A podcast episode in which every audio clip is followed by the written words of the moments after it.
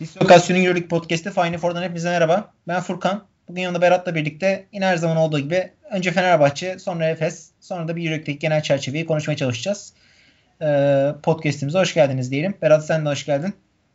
Hoş bulduk abi. Sen de hoş geldin. Ya nasılsın? Nasıl gidiyor hayat? İyi abi. İşte e, birkaç ufak telaş var malumun. Yakında Hı-hı. açıklarız herhalde dinleyenlere. Bir sürprizimiz ee, olacak. Aynen. Çok önemli bir sürpriz. Bakalım işte merakla bekliyoruz biz de. Maçları takip ediyoruz vesaire. Ee, pandemi devam ediyor malumun. Üçüncü pik konuşuluyor. Ee, katılıyor musun? Abi, bir anda 6000 e, vaka sayısından bir anda 30 bine çıktık iki hafta içerisinde. 6000 6000 diye gidiyordu 6000 7000. Şimdi 24 bin 30 bin bugün 35 bin olur herhalde. Bunun yani, nedeni de ben tamamıyla sana katılmayarak bir şekilde Twitter'da attığım bir tweet'e istinaden diyorum. Kafelerin açılmasına bağlıyorum ben bunu. Hadi bakalım tartışalım. Yo yo doğru zaten. Ben ona bir şey demiyorum. E, zaten şey de uyulmuyor hani %50 doluluk vesaire. Ya tabii bunda e, rol model olması gerekenlerin tam tersi bir e, görüntü sergilemesi de en büyük etkenlerden biri ama abi yani insanların da bir şekilde para kazanması lazım ve şöyle bir e, bilgi de var. Yani öngörü diyeyim bilgi değil de. Yani Türkiye bir yıl daha kapanacak bir gücü yok. E, ya büyük ihtimalle atıyorum üniversiteler vesaire bizim gideceğimiz dönem işte seneye her yer açılacak. Daha da derin bir şekilde açılacak. Ama ben sana katılıyorum ya kafeler %50'lik yok. Her yer full dolu. Maske yok. Şu an birkaç yeri dolaştım. Birkaç işim vardı. Yani bir yere gidip oturmadım. Hep gözlemlediğim de o zaten. O konuda ben sana katılıyorum yani. Yani abi e, %50 kuralına kesinlikle uyulmuyor ve herkes bir şeyler yiyeceğiz içeceğiz derken maske takmıyor hiç. Hep dışarıda maske. Ee, normal hayatmış gibi oluyor aslında. Kafede oturanlar, şey oturanlar ve biliyorsun herkesin çarşısı, mahallesi böyle restoranlar, kafeler böyle sandalyeler dip dibe koymuşlar. Yani çünkü yer yok. Yani dükkan büyük evet. değil ya da dükkan büyükse de bile daha çok masa, daha çok sandalye koyuyor ki daha çok insan gelsin. Öyle olunca da insanlar arası mesafe olmuyor. Maske zaten takılmıyor. Sonra vaka sayısı niye 6000'den 30 bine çıktı birden. Çünkü Aynen. abi bir de cumartesi gününü açtı var dışarı. Cumartesi günü hele ilk açılan cumartesi benim hayatımda gördüğüm en kalabalık günlerden biriydi. Kendi şehrim için konuşuyorum. Herkes dışarı çıkmıştı ki hava yağmuruydu. Hava yağmur olmasına rağmen ben uzun zamandır bu kadar kalabalık bir dışarısını görmemiştim. Biz de dışarı çıkmıştık. Ee, ben yürüyüşe çıkmıştım gerçi. Ama çıkarken uzak bir yere arabayla gitmiştik. Yani öyle böyle bir kalabalık yok yani. Ben çarşıdan geçtim, şeyden geçtim. İnanılmazdı. Abi çok kısa şeyi sorayım. Formula 1 başlıyor. Ya başladı da. Ee, nasıl heyecan var mı? Abi e, Formula 1 zaten bizim için bir yaşam biçimi. Öyle mi denir? e, bir de biliyorsun malumun duygusal bağ kurduğumuz biri grid'e geri döndü. Fernando Alonso. Fernando Alonso aynen. Ee, Abi var mı bir umut ışığı kendi sözlerinde? Abi maalesef yok ya. Bu sene en kötü arabalardan biri yine. Adamın laneti devam ediyor arkadaşlar. Kusura bakmasın kimse. Adam hangi takıma giderse gitsin onun takımı bir şekilde hep sonlara düşüyor. Geçen sene Alpin podyum aldı iki kere, üç kere. Ee, üç, üçüncülük için yarışıyordu. Son yarışta üçüncülüğü kaybetti hatta kazanabilirdi. Bu sene gridin en iyi 8. arabası gibi gözüküyor maalesef. 8. yani 15. 16. araba gibi gözüküyor. 20 araba arasında. Geçen sene 5. ile 6. oynayan araba bu sene 15. 16. gibi gözüküyor. Nasıl bu kadar geriye gider bir araba? Akı ağır gibi değil çünkü kural var %70 oranında aynı kaldı. Yani bu seneki arabalar geçen seneki arabanın %70 oranında aynısı %30 oranında değişiklik var. Adamlar ne yaptıysa o %30'luk kısmına bir anda sona düşmeyi başardılar yukarıdan. Alonso'nun laneti diyorum ben bunu. Alonso geldi diye adamlar gene sonra düştü. Yani... Abi şimdi şöyle bir şey de var. Pilotluk meziyetinde görelim artık Alonso'nun da. Artık derken abi bu adam abi, artık daha yani, pilotluk meziyetini kanıtlamak abi, için ne yapsın? Abi kimse bana anlatmasın. Yok arabam kötü. Yok fren sistemim kötü. Ben, ben bilmem bu işleri deyip e, fren sistemi olmayan umarım bu fren sistemi olmadan da devam edecek ekibimiz Fenerbahçe'ye geçelim istiyorsun. İyi bakalım. Daha fazlasını dinlemek için Formula 1 podcastimizde bekleriz diyeyim zaman. Formula 1 podcastine davet ediyoruz. Çok güzel bir podcast. Dinlemenizi tavsiye ederiz. Eyvallah eyvallah Berat. Fenerbahçe'ye geçelim o zaman. 5 dakika yedik. Ee, şey gibi oldu. Ee, bu Uğur Ozan'la Orkun Çolakoğlu yapıyor ya milyonerde ilk 5 dakika boş atıyorlar. Ondan sonra başlıyor yine. Evet, evet. Bizimki de öyle oldu. Neyse.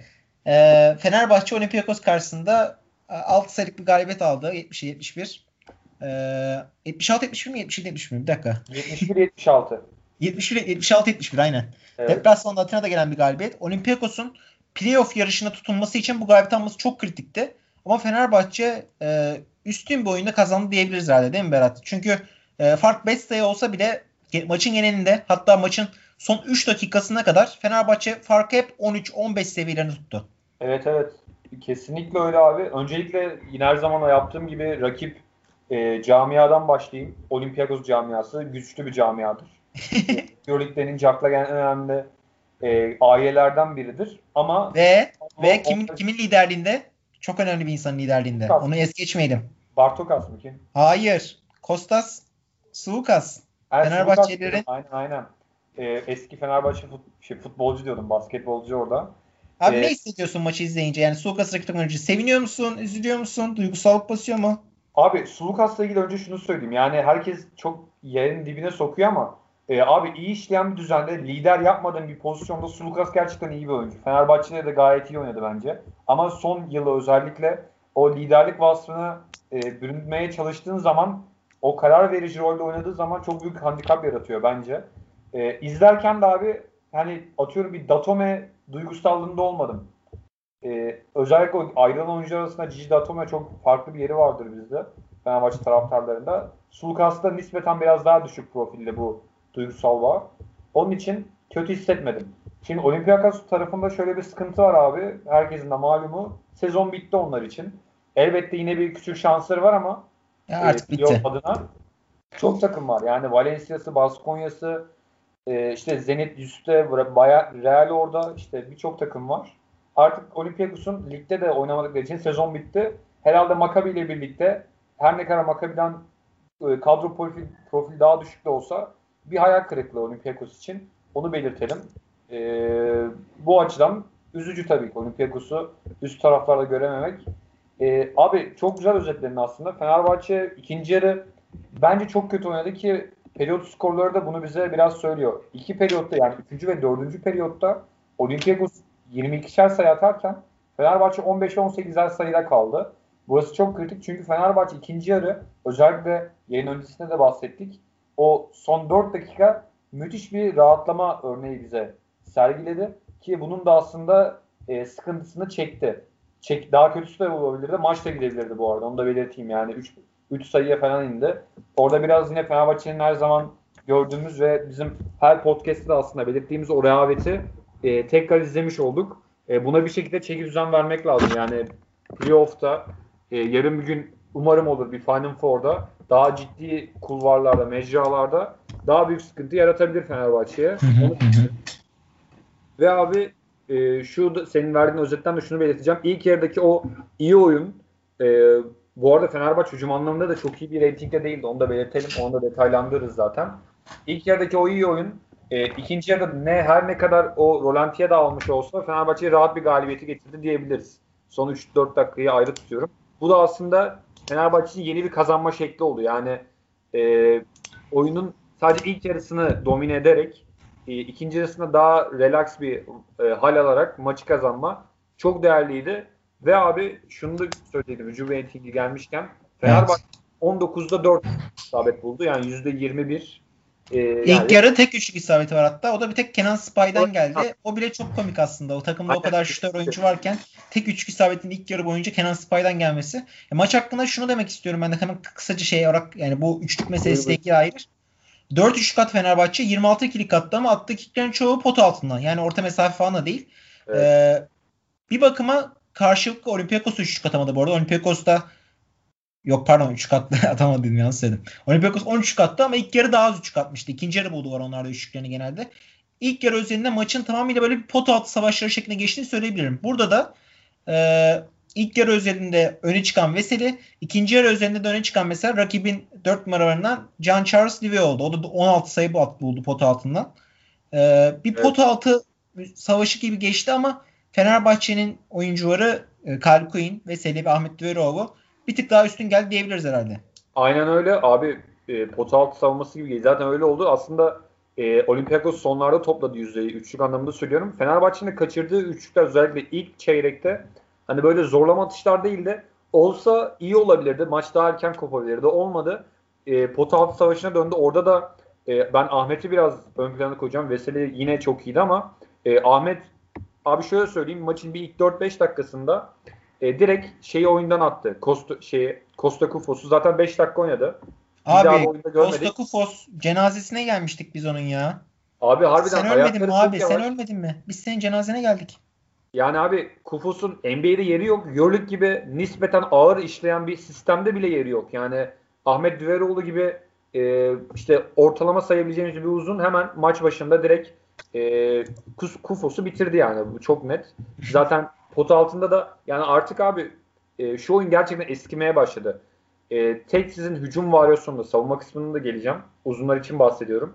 E, sadece bir post up'ınız varsa işte alan açamıyorsanız e, ya şimdi mesela isim olarak baksak Kufos mu Sertaç mı desek mesela ya işte NBA geçmişler vesaire e, Kufos denebilir ama artık günümüz basketbolu bunları sizden istemiyor. Çok başka şeyler istiyor. Costa Kufos'ta yani bir post topu var. Ne kadar sağlıklı. Topu yere vurduğunda zaten hemen ikili sıkıştırma geliyor. Top kaybına yol açabiliyor. Sağlıklı oynayamıyorsunuz. Yani bir yerden sonra da artık ya sonunuz geliyor ya da kendinizi başka parametrelerde geliştirmek zorundasınız. Onun için zaten ikinci yarı hiç oyuna girmedi. 5 dakika oynayıp çıktı. Ee, burada da tabii ki Ahmet'e oklar çevriliyor. Ahmet Hoca ona artık e, gerçekten rotasyon çok daha net oturmuş durumda. Yavaş yavaş da oturuyor sezon bu normal sezonun sonuna gelirken. Ahmet sadece ilk yarının başında ve ikinci yarının başında oynuyor. Belki onun süreleri daha da arttırılabilir. Ben ona da e, karşı çıkmam. Gerçi ikinci yarının başında rezil birkaç top kaybı yaptı ama e, sıkıntı yok. E, Ahmet'e bu performansta görmek gerçekten çok umut veriyor. Yani maça başlayan 5'te de olması en azından maçın başına iyi bir verim alıyor ve öyle dışarı çıkıyor. Evet. E, bu çok değerli Fenerbahçe için. Diğer bir nokta da abi aslında uzun rotasyonundan devam etmek gerekirse e, Bartel e, gerçekten bu maç ben çok beğendim Bartel'i. Yani istatistiklere bakınca belki çok göze hoş gelen bir şey görünmeyebilir ama e, istatistik dışı oyunda hem savunmada hem hücumda e, daha kendine güvenen, daha işin içinde olan e, bir Bartel izledik. Bu da Fenerbahçe için keza çok çok daha değerli.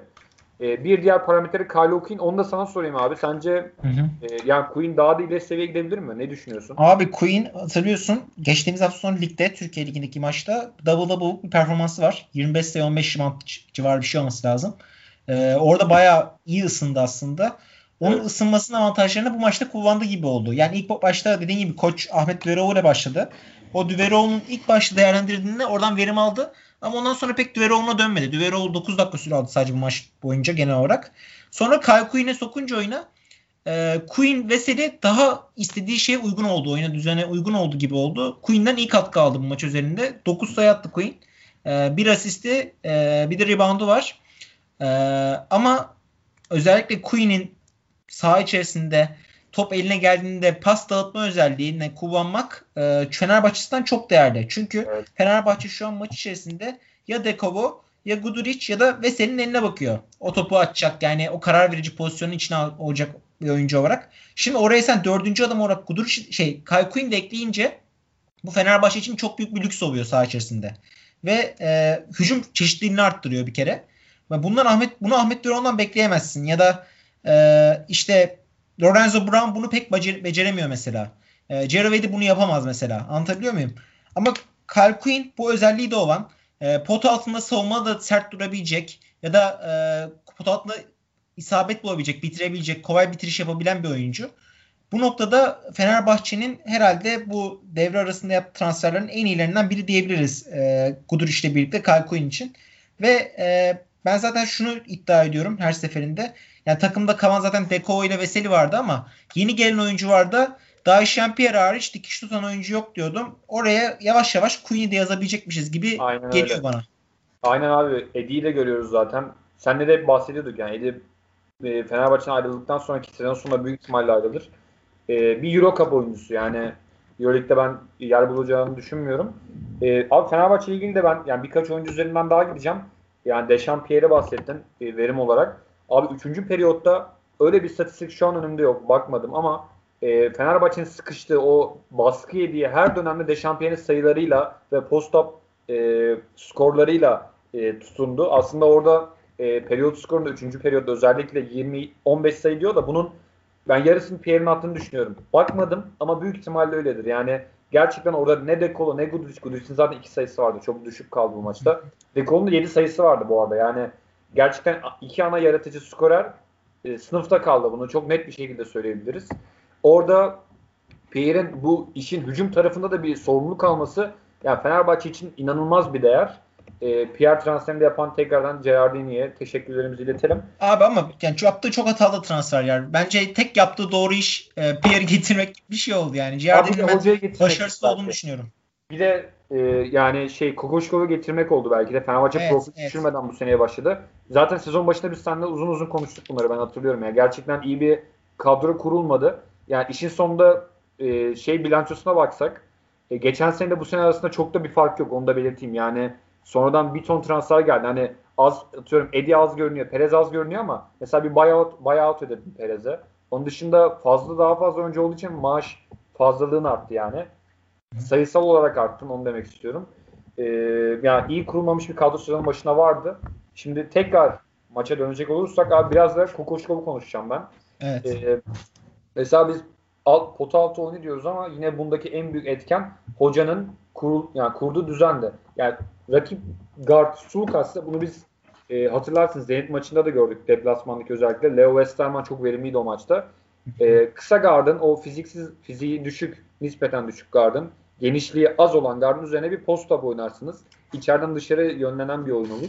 Fenerbahçe bunu inanılmaz oynadı. O şutları soksa zaten maçı çok erken biterdi ama içeriden o e, özellikle uzun paslaşmaları, o ters eşleşme Olympiakos ilginçtir hep switch savunması yapıyor. Ben buna da anlam veremiyorum. Yani e, hiçbir çaba yok. Sulukas pik geliyor direkt adamda yaşıyorlar. Birkaç pozisyonda gördüm ben e, kısayı takip eden uzun profili. Ya zaten Kostakopoz'da siz bunu yapamazsınız. O ilk 5 dakika direkt eksi 15'te başladı Olympiakos. O cepte zaten ama e, nispeten atletik oyuncuların girmesiyle beraber yine bu savunmanın tercih edilmemesi ya bana biraz Bartokas'ın ya saçmalığı gibi geldi bilmiyorum. Abi bir de şey Olympiakos'un oyuncuları hiç o tarz oyuncular da değil ya. Yani e, bu takım kısa varı Spanulis, Svukas, Aaron Harrison, işte Sasha Vezenkov yani. Burada bir tek Abi Charles Jenkins'i o değişmeli savunmada koyabilirsin. Ama kalan oyuncuların hiçbiri Charles Jenkins haricinde o kısa savunma, switch savunmasını yapacak adamlar değil. Yani e, eğer şöyle bir 5'e sahip çıksa koç anlayacağım mesela Shaquille McKissie'yi koyar. E, Charles Jenkins'i koyar. İşte John Charles Livo'yu koyar. E, üç tane böyle atletik adam koyar. Pot altına Octavius Ellis koyar. Yani bu beşli çıksa e, otomatikman switch savunması yapması mantıklı olur. Ama yani kenardan gelen oyuncu var. Hiç buna müsait oyuncu var değil ve bunu maç geneline yaymaya çalışıyor koç. Sıkıntı bu. Evet. Aynen öyle abi. Yani zaten Bartokas'ın da artık işi bitti. Yani abi birkaç pozisyon var. Bartokas çok kötü bir hoca demiyorum ama mesela e, dinleyenlerimiz de eğer maç izlediyse anımsayacaktır.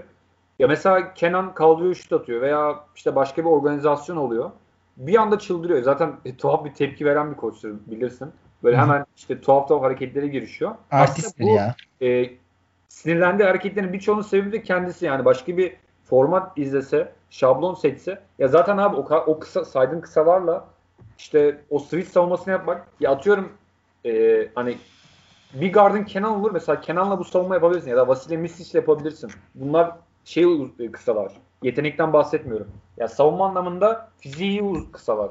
Bunlarla yapabilirsin ama ya bir Sulukas'la Sulukas o post topa indirdiğin zaman savunmada ya geçmiş olsun bittin ya. Fenerbahçe bunu sık sık kullandı. Bütün sayıları da buldu. Çok nadirdir kaçırdı. Zaten bu da maçın anahtarı oldu Fenerbahçe özelinde. Ve abi ben hocayı bir konuda daha çok övmek istiyorum. Ee, belki de içine az bir durum. Obradoviç'te bile görmedik bunu. Abi forma kim hak ediyorsa ona direkt teslim ediyor. Kesinlikle. Belki... En çok takdir ettiğim şey bu. Yani Abi, bunu Kenan Spy örneğinde konuşabiliriz Aynen. şimdi. Aynen. Ee, ama, ama sen anlat bunu. Sen daha iyi girdin şimdi. Ha, ya yayın öncesi sana demiştim. Sen de bana katılacaksın zaten. Belki Melih Mahmutoğlu'nda bir soru işareti bırakabiliriz. Melih şu an gerçekten hak edecek bir performans sergilemiyor ama abi Kenan konusunda ben bu soruyu merak ediyorum. Çünkü ediyordum maç öncesinde. Çünkü lig maçında sen de bahsettin. Quinn ve Kenan inanılmaz iyi oynadı. Yani ben Kenan'dan bir nevi bir Ben Simmons esintisi gördüm. Yani Abi şöyle bir şey de var. Onu da çok kısa belirteyim. Belki de biz e, basketbol severli olarak bazı konularda şu hatayı yapıyoruz. Her oyuncu e, o hani guard anlamında bahsediyorum. İşte bir Larkin, bir Misic, işte bir Sulukas top atma ve yönlendirme kısmında bahsediyorum. Bir Teodosic olamaz. Herkesin yetenek kıstası, verebilecekleri potansiyeli başka. Hoca Kenan'da başka bir şey keşfetti. Kenan net bir top yönlendirici olmayarak yanında daha iyi bir skorerle birlikte o yan rolde işte kanat savunması yapabilecek rolde oynayınca gerçekten çok verimli bir oyuncu haline geldi. Bu maçta şutunu da soktu. Lig maçında kat kat daha iyiydi. Lig maçında mesela Perez çok rezil oynadı onu belirteyim. Oradan ya ben nasıl bir dönüş alacak merak ediyordum ve şunu, Perez şunu söylemek lazım hemen. Perez lig maçında kötü dedin. Kenan çok iyi dedin. Ne oldu? Perez kadroya giremedi lig maçında Aynen. abi. Kenan'a verdi formayı. Ben bunu çok merak ediyordum. Şey de diyebilirdi hoca. Ya bu adam bu kadar para verdik. Olympiakos'un nispeten düşük profilli bir maç. Yani bir Barcelona maçı değil ve Perez bu maçlarda süre bulabilecek bir oyuncu. Ama yok dedi. Yani Kenan'a verdiği süreleri Perez'e de verebilirdi. Hayır dedi. Kim hak ettiyse o gün. Mesela Tarık kadroda bugün. Ya tabii kadro Tarık biraz zorunluluk ama e, mesela Eddie'yi kesti. Çünkü Eddie gerçekten iyi oynamıyor ve büyük zarar getiriyor Fenerbahçe'ye. Sulukas'ta bahsettiğim o post indiğinde öldüm muhabbeti Fenerbahçe'de Eddie de var. Yani Eddie'ye Zaten hoca orada savunmak zorunda. Ayakları da çok yavaş. Postal savunmasında da kötü. Direkt kesiye atıyor ve bu e, iyi şey de demokratik ortam mı diyeyim verimli alan forma yani şey antrenmanda mücadele eden formaya kapar tarzı işte futbolda hep kullandığımız cümleler. E, Fenerbahçe'de uygulanma seviyeni ayrıca çok mutlu etti yani Kenan'ı görmek de iyi oldu ki Kenan gayet de iyi oynadı. Ben e, önümüzdeki Bayern maçında da kadroya gireceğini mutlaka düşünüyorum. E, hocayı buradan tebrik edeceğim. İstiyorsan abi bir de şeye geçelim direkt fikstüre bakalım. Tamam abi. Ya dediğim gibi işte Fenerbahçe'nin 14 e, galibiyet olsun. 16 maçtaki 2 mağlubiyet, 14 galibiyet. Yani çok iyi bir seri. Yani bence Fenerbahçe çok iyi gidiyor şu an. Yani ben Olympiakos karşısında alan galibiyetinde kesinlikle hiçbir şanstır şeydir. Ona olduğunu düşünmüyorum. Benim son sözüm bu olsun. Fenerbahçe hakkında. Fenerbahçe'nin maçlarına gelirsek de 3 maçı kaldı. Ee, Bayern Münih ile deplasmanda sonra Barcelona ile evde Real Madrid evde. 3 tane çok, çok kritik, çok önemli maç. Ne Aynen. düşünüyorsun abi? Abi direkt hedef maçlar öncelikle ve e, şöyle bir sıkıntı var Fenerbahçe üzerinde. Ben de dün maçtan sonra rakiplerin fikstürüne baktım. E, ya mesela Bayern Münih direkt rakip olarak gözüküyor. E, bir son maçları Barcelona'yla işte şimdi Fener'le e, arada bir onların hemen fikstürü açıyorum. E, dinleyenlerimiz kusura bakmasın. E, arada bir onların şeyi var abi. E, Zagiris maçı var. Mesela Zagiris Banko. Yani Bayern 3 maçın birini cepte görebilir. Onu demek istiyorum. E, Fenerbahçe maçını alabilir iç sahada. Yani bunlar e, Bayern açısından mesela bir pozitif yöne çekilebilecek. Mesela. Bayern Valencia yenildi abi bu hafta. Bu çok kritik. Yani haftaya Aynen. biliyorsun Bayern oynayacak Fenerbahçe ve Bayern aslında moralsiz geliyor bir tık. Valencia'ya hiç beklemedikleri mağlubiyet aldılar. Onlar yani bizim açımızdan çok iyi oldu Bayern mağlubiyeti. Çünkü evet, evet, çok iyi oldu. E, puan durumuna bakarsak e, şimdi Barcelona 1 23 galibiyet, e, CSKA Efes 20 galibiyet. Ondan sonra 4. sırada 3 takım var şu an. Milano, Bayern, Fenerbahçe 19 galibiyet, 12 mağlubiyet. Hepsi eşit. Yani Fenerbahçe'nin dördüncü olma hatta üçüncü olma şansı devam ediyor. Ama ben ilk üçe giremeyeceğini düşünüyorum. Bence yani şey olduğundan bu üç maçta mağlubiyet alabilir diye düşündüğümüzden dördüncü olmak için hala Fenerbahçe'nin çok büyük bir şansı var. Ya da beşinci olmak için. Ve Fenerbahçe eğer 4-5 bitirirse e, otomatikman playoff'ta 4-5'te eşleşiyor yine. Dördüncü orası evet. 5'te, 5 orası 4'te. Evet. Çok büyük avantaj sağlayacak. Çünkü Milano'da, Bayern'de Fenerbahçe'nin eleyebileceği daha nispeten kolay takım var. Fenerbahçe'nin bir şekilde e, dördüncü ya da beşinci bitirmesi gerekiyor ligi ve bunun için çok önemli bir şansı var şu an. Çok iyi bir şansı var. Yani o yüzden Bayern yenilmesi çok iyi oldu bu hafta. Aynen öyle. Ama abi şöyle bir şey diyeceğim. Mesela Milano ile ben Bayern'i direkt rakip olarak görüyordum. Milano'nun e, son maçı Efes onun dışında yani inanılmaz direkt 2'de 2 yazabileceği çift maç adasında Kızılyıldız ve Panathinaikos deplasmanı ama evet, maalesef. direkt geçerler 2'de 2 ben eminim. Bu arada yani Milano da kötü gidiyor ama o maçları kazanacaklardır. Ya Fenerbahçe için şöyle bir handikap var yani 3 maç 3'ü de zor. Ben 3'ünden de kesin banko diyemiyorum. Onu demek istiyorum. Hı hı. Yani buradan 3'te 0 gelebilir mi? Ya zor bir ihtimal elbette ama olmayacak bir senaryo da değil. Çünkü yani Real Madrid ne olursa olsun düşüştü ama e, zor bir maç. E, Barcelona çok zor bir maç. Bayern keza çok zor bir maç. Bayern'i zaten Efes maçına gördük geçen hafta. E, yani Fenerbahçe'nin bu son 3 maçlık fikstürü gerçekten biraz e, iç karartıyor ama e, yani mutlaka bir 3'te 2 yapmak lazım. Ee, yine söylediğim şeyi tekrar edeyim yani Barça Efes'ten mutlaka kaçmak lazım. CSK toparladı. Ben sana katılıyorum. Yani Barcelona, CSK, Efes. Efes. Bu üç direkt olacaktır. Efes üçüncü olacaktır büyük ihtimalle. Kaçmak lazım bunların. Üçünün de kaçması lazım. Aynen kaçmak lazım. İşte orada bir 4-5'i kovalamak e, çok akılcı olacaktır. Onun için 3 maçta 2 galibiyet çok değerli olacak. Çift maç haftası şimdi. 2 Bayağı... galibiyet ben 4 ile 5'e taşır diyorum Fenerbahçe'yi. Bence o iki takımdan biri de hata yapacak. Ee, yani ikisi de 3 galibiyet almayacak bence. E, iki galibiyet ben 4-5'e taşır diyorum Fenerbahçe. Hedefimiz de bu olsun diyeyim. E, bu arada tabii ki de bu maçın yıldızları Dayşan Pierre'le Yan Veseli'ye de e, bir kez daha tebrik edeyim yani. Fenerbahçe ciddi manada ikisi taşıyorlar şu sıra var. Abi aynen. Şeyi de belirteyim. Yani. Bu maçı Veseli'ye es geçmeyelim. Ee, tekrar döndüysek. Abi birkaç pozisyonda Yok abi son cümle olarak dedim de sen ha, söyle. Tamam son cümle olsun. Abi ben bir nevi Draymond Green gördüm. O e, top performansındaki Draymond Green. Topu alıp direkt yarı sahaya geçip hemen o hızlı hücumu başlatmak. Veseli gerçekten nazar değmesin çok değerli bir oyuncu. Abi sana şey soracağım. Sence alttan yukarı çıkan bir takım olur mu? Baskı ee, Abi sanmıyorum ya. Çünkü iki galibiyet fark var. E, Fenerbahçe, Bayern, Milano iki, grubuyla altlar arasında. Yani şey saymazsak iki galibiyet fark var. Real Madrid saymazsak. E, iki galibiyet kapatamayacaklarını düşünüyorum. E, belki Real Madrid 3'te 3 yapıp bitirecek daha önce o şekilde yani. Tek ihtimal Real Madrid o üçlüye girip Abi ortalığı Zenit, karıştırma ihtimali var. Abi Zenit'in şimdi fikstürüne bak. Zenit'in de 4 maçı iç sahada CSK, Asvel, e, Tel Aviv, Maccabi, Panathinaikos yani iyi Abi fikstürü iyi ama ben Zenit'in e, mağlubiyet yaşayacağını düşünüyorum ya. Hani his, içimden bir his diyeyim. Yani bakalım. E, gerçekten işte yavaş yavaş e, sonlara da geldikçe her şey oturuyor. E, Efes de büyük ihtimalle 3 olacaktır. E, CSK'da Bakalım. Bakalım. Abi istiyorsan Efes'e pas atalım buradan direkt. Abi Efes'e geçelim. E, yayını kısa tutmak için çünkü. Aynen. E, Efes e, Panathinaikos karşısında öncelikle 20 sayılık bir galibiyet aldı ama öncelikle şunu belirtmemiz gerekiyor. Ergin Ataman takım başında değildi. Ee, konuşmamız gereken temel mesele bu olmamalı. Çünkü Abi, şey geçen maçta burada. bir dakika olayı anlatayım ondan sonra söyle. Ee, şöyle bir olay oldu. Bilmeyenler duysun diye anlatıyorum çünkü. Bayern Münih maçının sonunda e, Efes maçı son topta kaybetti. Orada bir foul olduğu gerekçesiyle Ergin Ataman hakemlerin üstüne yürüdü ve hakemlere itirazda bulundu. Sert bir itirazda bulundu. Ee, ancak o an için yani 10-15 saniyelik bir reaksiyonda o an için Ondan sonra maç bitti. Soyunma odasına gitti. Herkes dağıldı ve Euroleague tarihinde ilk defa bir baş antrenör sırf itiraz ettiği için maçtan e, ban yedi. İhlal kararı aldı maçtan. Ve takımın başında olamadı. Euroleague tarihinde yani modern Euroleague'den de 20-21 yıllık Euroleague tarihinde 2000'lerden beri ilk defa bir tane antrenör takımın başına maçı çıkamadı ceza aldı. Bu Türkiye Ligi'nde futbolda gördüğümüz bir şey ama basketbol Euroleague'de kesinlikle görmediğimiz şey ve Ergin Ataman'ın yaptığı itirazı 2000'li yıllarda bu geçen 20 senede gerçekleşen bine yakın maçta belki de daha fazlasında aynısını yapan hatta daha şiddetlisini yapan yüzlerce antrenör ya da binlerce olay var. Binlerce maç var. Benzer e, tepkilerin, reaksiyonların verildiği.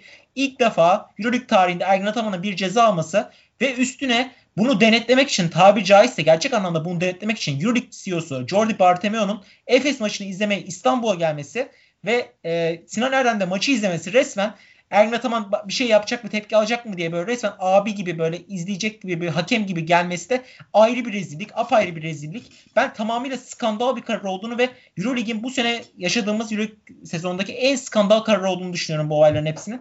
Hatta maç başında da e, yayıncı kuruluşun Jordi Bartomeu ile röportaj yapmasını ve bundan bahsetmemesini de hiç anlamlandıramadım. Tam anlamıyla devasa bir rezillikti ve e, koç kesinlikle sahadaki oyuncularla iletişime geçmesin diye uzaktaki localardan birini oturtmuşlar koçu. E, hatta televizyon muhabirinin böyle bir kuralı da İsmail Şenol maçta söyledi. Şöyle bir kural varmış abi. E, bir antrenör ceza alınca televizyon spikerlerin onunla konuşması da yasakmış. Maçtan önce ya da maçtan sonra. E, bunu da bilmiyorlarmış. İsmail Şenol dedi ki biz bunu bilmiyorduk dedi. Bunu da bugün Yeni öğrendik Euroleague ekibinden Bartomeu'dan. Biz de şaşırdık ne yapacağımızı dedi. Yani takımın koçu kenarda lojada izliyor bir taraftarmış gibi. Kesinlikle konuşulması yasak onunla. Kesinlikle iletişime geçilmesi ya. yasak. Ve e, sadece bunu maç sonundaki bir topa 10 saniyelik bir reaksiyondan aldı. Ve bu reaksiyon belki de geçtiğimiz 20 senede yüzlerce ma- ayrı maçta yüzlerce kez farklı antrenörden gördük. E, çok normal olan bir şeydi. Ben Euroleague'deki bu seneki en skandal karar olduğunu düşünüyorum bu kararın. Abi şöyle belki yapayım. Ben katılıyorum sana. Mesela Trinkieri'nin bir ton böyle mevzusu var. E ben de o itirazdan sonra sosyal medyada karşıma çıktı. Mesela Trinkieri hiç herhangi bir ceza gelmemiş. Direkt Ergin Ataman'a geldi. Yani bu da yani Euroleague mafya mı?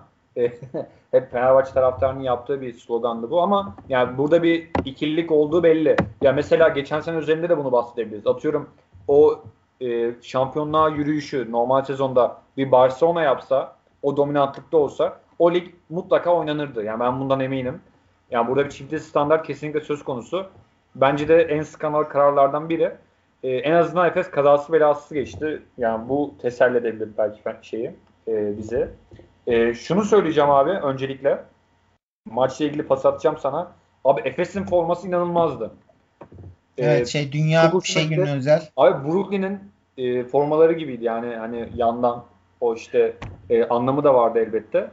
E, işte sürdürülebilir kalkınma için onu da söyleyeyim. Dikkat çekme projesi.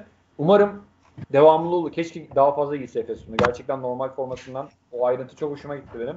Öncelikle bir magazin e, söylemiyle başladım. Sonra abi e, yani Yakup 8 çok da bahsetti Ergin Ataman'ın yardımcısı. E, yani bu maçı savunma getirdi diyebiliriz. Efes tempoyu fazla arttıramadı ve ben bunda da hocanın olmamasının etken olduğunu düşünüyorum. Sen önceki yayınlarda da hep bahsediyordun abi. Yani hoca bu sene başka bir aidiyetle takım yönetiyor. Yani bir savunma pozisyonunda sen kendisi de o stance'e oturup savunma yapıyor gibi. Hücumda daha hararetli o setleri söylüyor, oynatıyor vesaire. E, bunda direkt takıma etkisi bence olmuştur. Bunda bence biz etkisini gördük. En azından Efes'in kazasız geçmesi çok değerli oldu açıdan bir o bu maçı. E, savunma performansı Efes'e getirdi diyebiliriz. Üst düzey bir hücum performansı olmasına rağmen ama Efes yine de böyle anlatıyorum ama 81 sayı attı yani. 20 sayı fark attı e, Pana'ya. Bu da Efes'in ne kadar değerli takım olduğunu tekrar bir göstergesi. Panathinaikos üzerinde de Panathinaikos'ta da biliyorsun abi şey eklemesi olmuştu haftalar önce. E, Hezonya çok önemli bir hamle. Yani nispeten bir yükseliş var ama ya tabii ki Efes'e diş geçirmek kolay bir durum değil. E, ben de maçla ilgili görüşlerini sana pas edeceğim. Şeyi de merak ediyorum abi. Dansını 22 dakika süre aldı. E, Plyce'da Sertaç, Plyce de yavaş yavaş eklenmeye başlıyor. Nispeten işte 9-10'larda kaldı. Sen de bir Dunstan savar olarak ne düşünüyorsun bu konu hakkında ve genel maç hakkında? Abi ilk olarak e, Panathinaikos'tan dediğim gibi başlayalım. Oradan bir şey yapalım. Onların çılgın planı varmış sene için. Hezonya'ya getirdiler şimdi NBA'den yıldız olarak. Nedovic var ama sakat. E, seneye gideceği takım konuşuyor farklı takımlara. İlgiler var farklı takımlardan. Ama e, planları şuymuş. E, yönetimin, takımın, e, taraftarların Nedovic'i tutup e, Hezonya zaten takımda ve Mike James getirmekmiş CSK'dan. Zaten orada sıkıntılı bir durumda. Mike James, Hezonya, e, Nedovic üçlüsünü kurup işte süper üçlü işte kurup böyle Big Three kurup e, ligde iddia Euroleague'de iddia bir takım olmak istiyorlarmış. Böyle bir e, hayalleri varmış sene için. Ne kadar gerçekleşir? Gerçekleşirse ne olur? Orasını çok merak ediyorum. Önce onu söyleyeyim. E, onun haricinde maçta baktığımızda da onlarda en çok süre olan oyuncu var. Yannis Papavetro ile Howard Centroz oldu. E, ikisi de yetenek tavanı kısıtlı oyuncu var genel olarak ve e, Panathinaikos'un maç içerisinde aslında kötü oynadığını kimse iddia edemez. Bence Panathinaikos gayet iyi bir maç çıkardı. Ancak evet, savunmada evet. dirençleri yok. Hücumdaki yetenek tavanı kısıtlı. Şutlar girmiyor. 24'te 6 şut attı var sadece. E, şut yüzdeleri çok kötü. Yani Howard Centrus 7'de 1 üçlük attı. Yani o üçlüklerden 2-3 tanesi girse bir anda maçı tutunma şansları vardı. Tutunabilirlerdi. Maça girebilirlerdi. Ama Efes e, maç üzerine baktığımızda Ergin Hoca da yoktu. Yakup Hoca vardı kenarda. İyi bir maç çıkardım diye sorarsan hayır çıkarmadı. Efes'in belki de son bir ayda iki ayda oynadığı en kötü maçlardan biriydi bu maç. Ve e, Efes kapı, takım kapasitesinin belki de %30'uyla oynadı. Öyle söyleyeyim ben sana. Ona rağmen Panathinaikos gibi bir takıma karşı 20 sayı galibiyet almak gerçekten akıl dışı. Yani e, Efes neden ligin en iddialı ekiplerinden biri olduğunu bu maçta bir kez daha kanıtladı diyebilirim. E, çok rölantido oynadı var. Gerçekten çok rölantido oynadı var ve e, ekstra bir çaba, ekstra bir gayret yoktu. Hatta takım modu düşüktü bence Ergin Hoca olmadığı için. Ama Yakup Hoca iyi iş çıkardı. Ve e, Yakup Hoca ile birlikte bence takımın saha içerisindeki asıl koçu, asıl lideri Vasile Misic'ti. Misic zaten haftanın MVP'si seçildi. Verimlilik puanı bu hafta en yüksek olan oyuncu. Abi 21 sayı, 7 asist, 4 rebound, 30 verimlilik puanı. Yani gerçekten muazzam. Hatta bir, bir de bloğu var onu da söyleyeyim.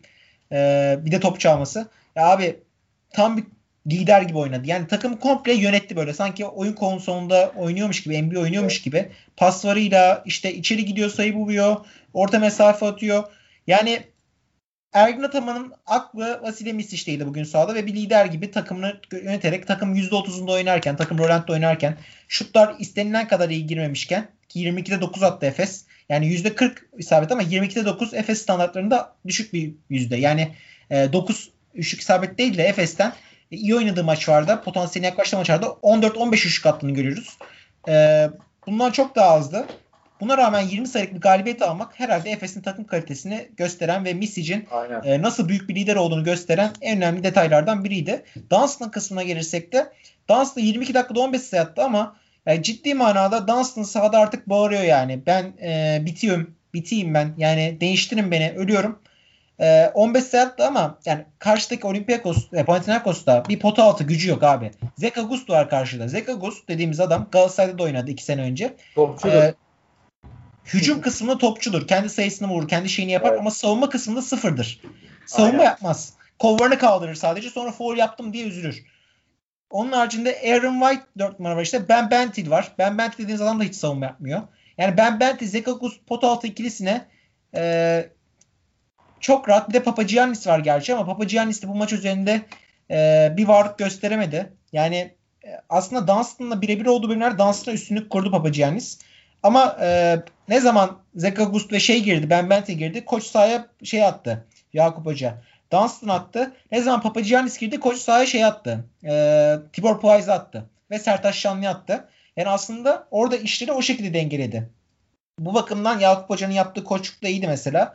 E, yani Dunstan sahadayken kesinlikle Papagiannis'le eşleştirmiyor. Tak diye diğer adam sokarsa e, onu sokuyor. Ve bu yüzden sürelere baktığımızda Dunstan 22 dakika süre almışken Sertaç 9 dakika Tibor 8 dakika aldı. Bunun en büyük nedeni Papagiannis'in sağda yer aldığı zamanlar süreler. Papagiannis de 15 dakika yer aldı. Yani aslında Sertaç ve e, Price'ın sürelerinin toplamı gibi bir şey. O bakımdan Dunstan'ın şeyini kullandı. Abi belki de şeyi diyebiliriz abi.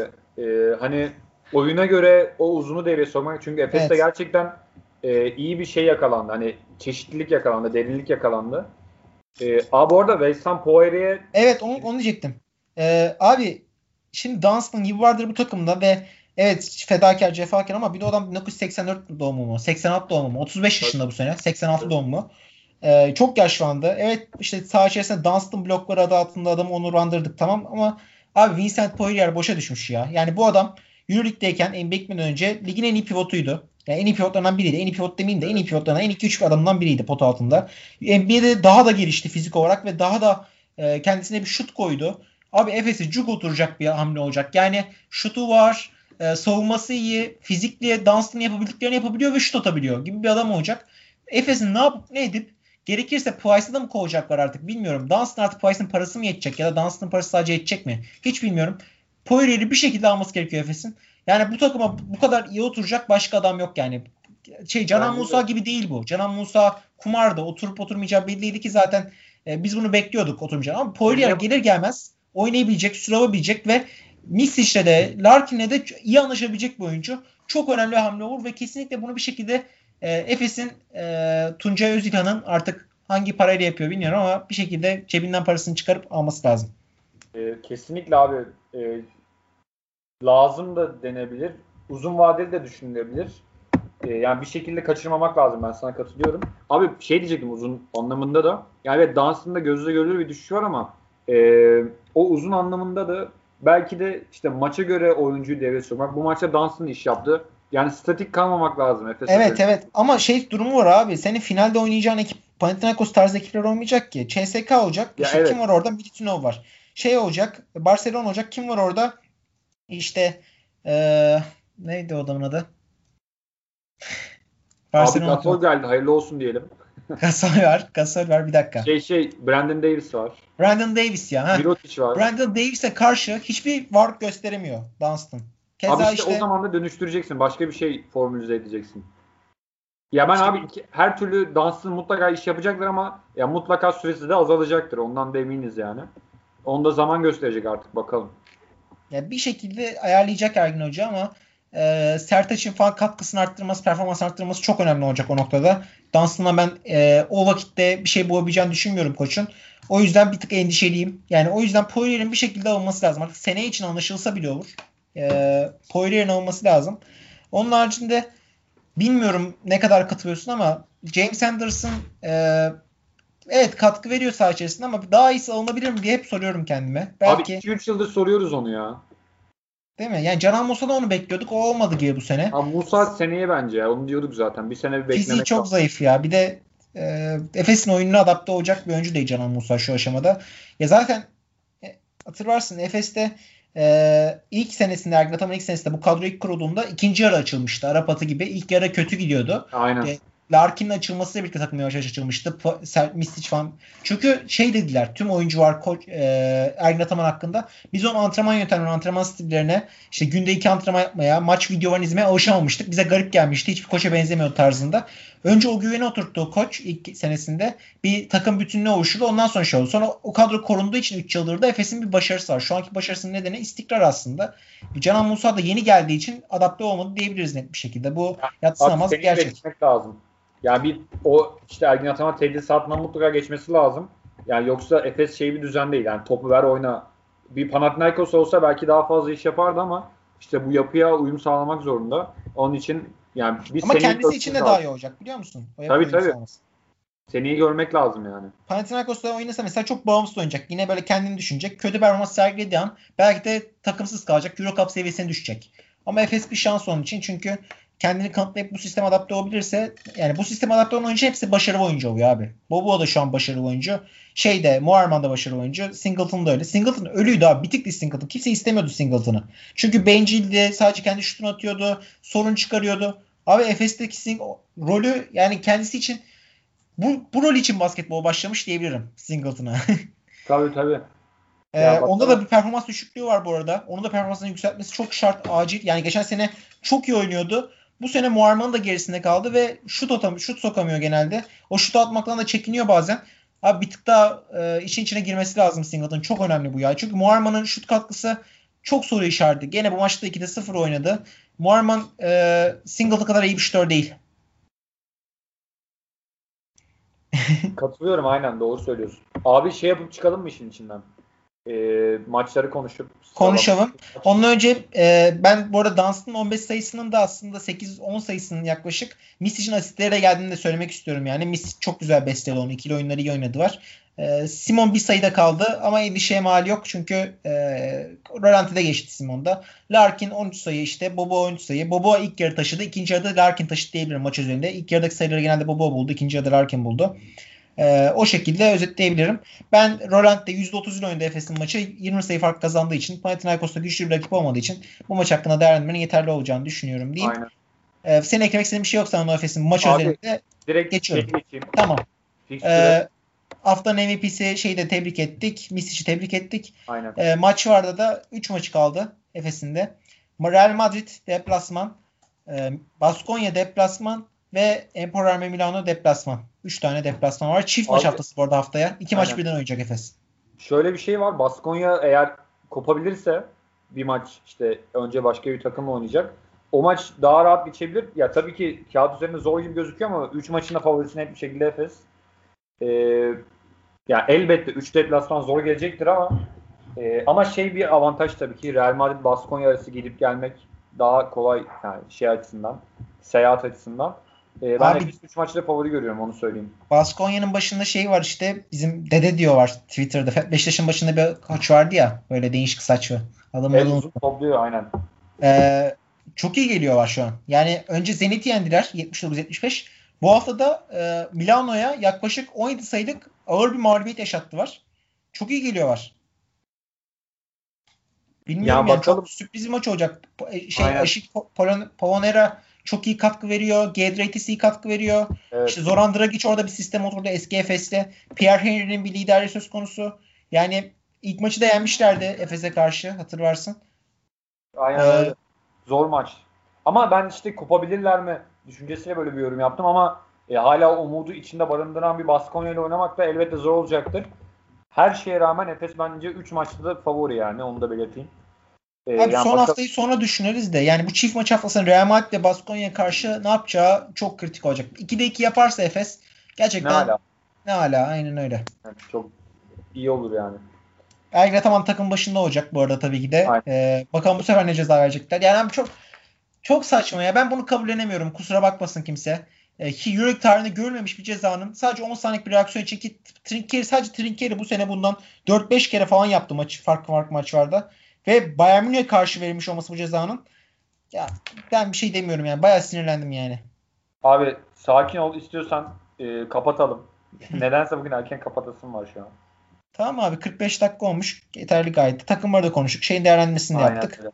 Ee, umarım temsilcilerimiz için e, çift maç haftası en güzel şekilde geçer ve dörtlü dörtlü e, bir hafta sonundan sonra bir dahaki hafta görüşürüz diyelim. Dörtlü dört Aynen. yaptığından sonra.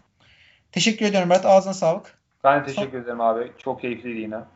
Tamamdır. Kendine iyi bak. Ee, sen de abi. Hoşça kal. Görüşmek üzere. Hoşçakalın diyelim. Görüşürüz.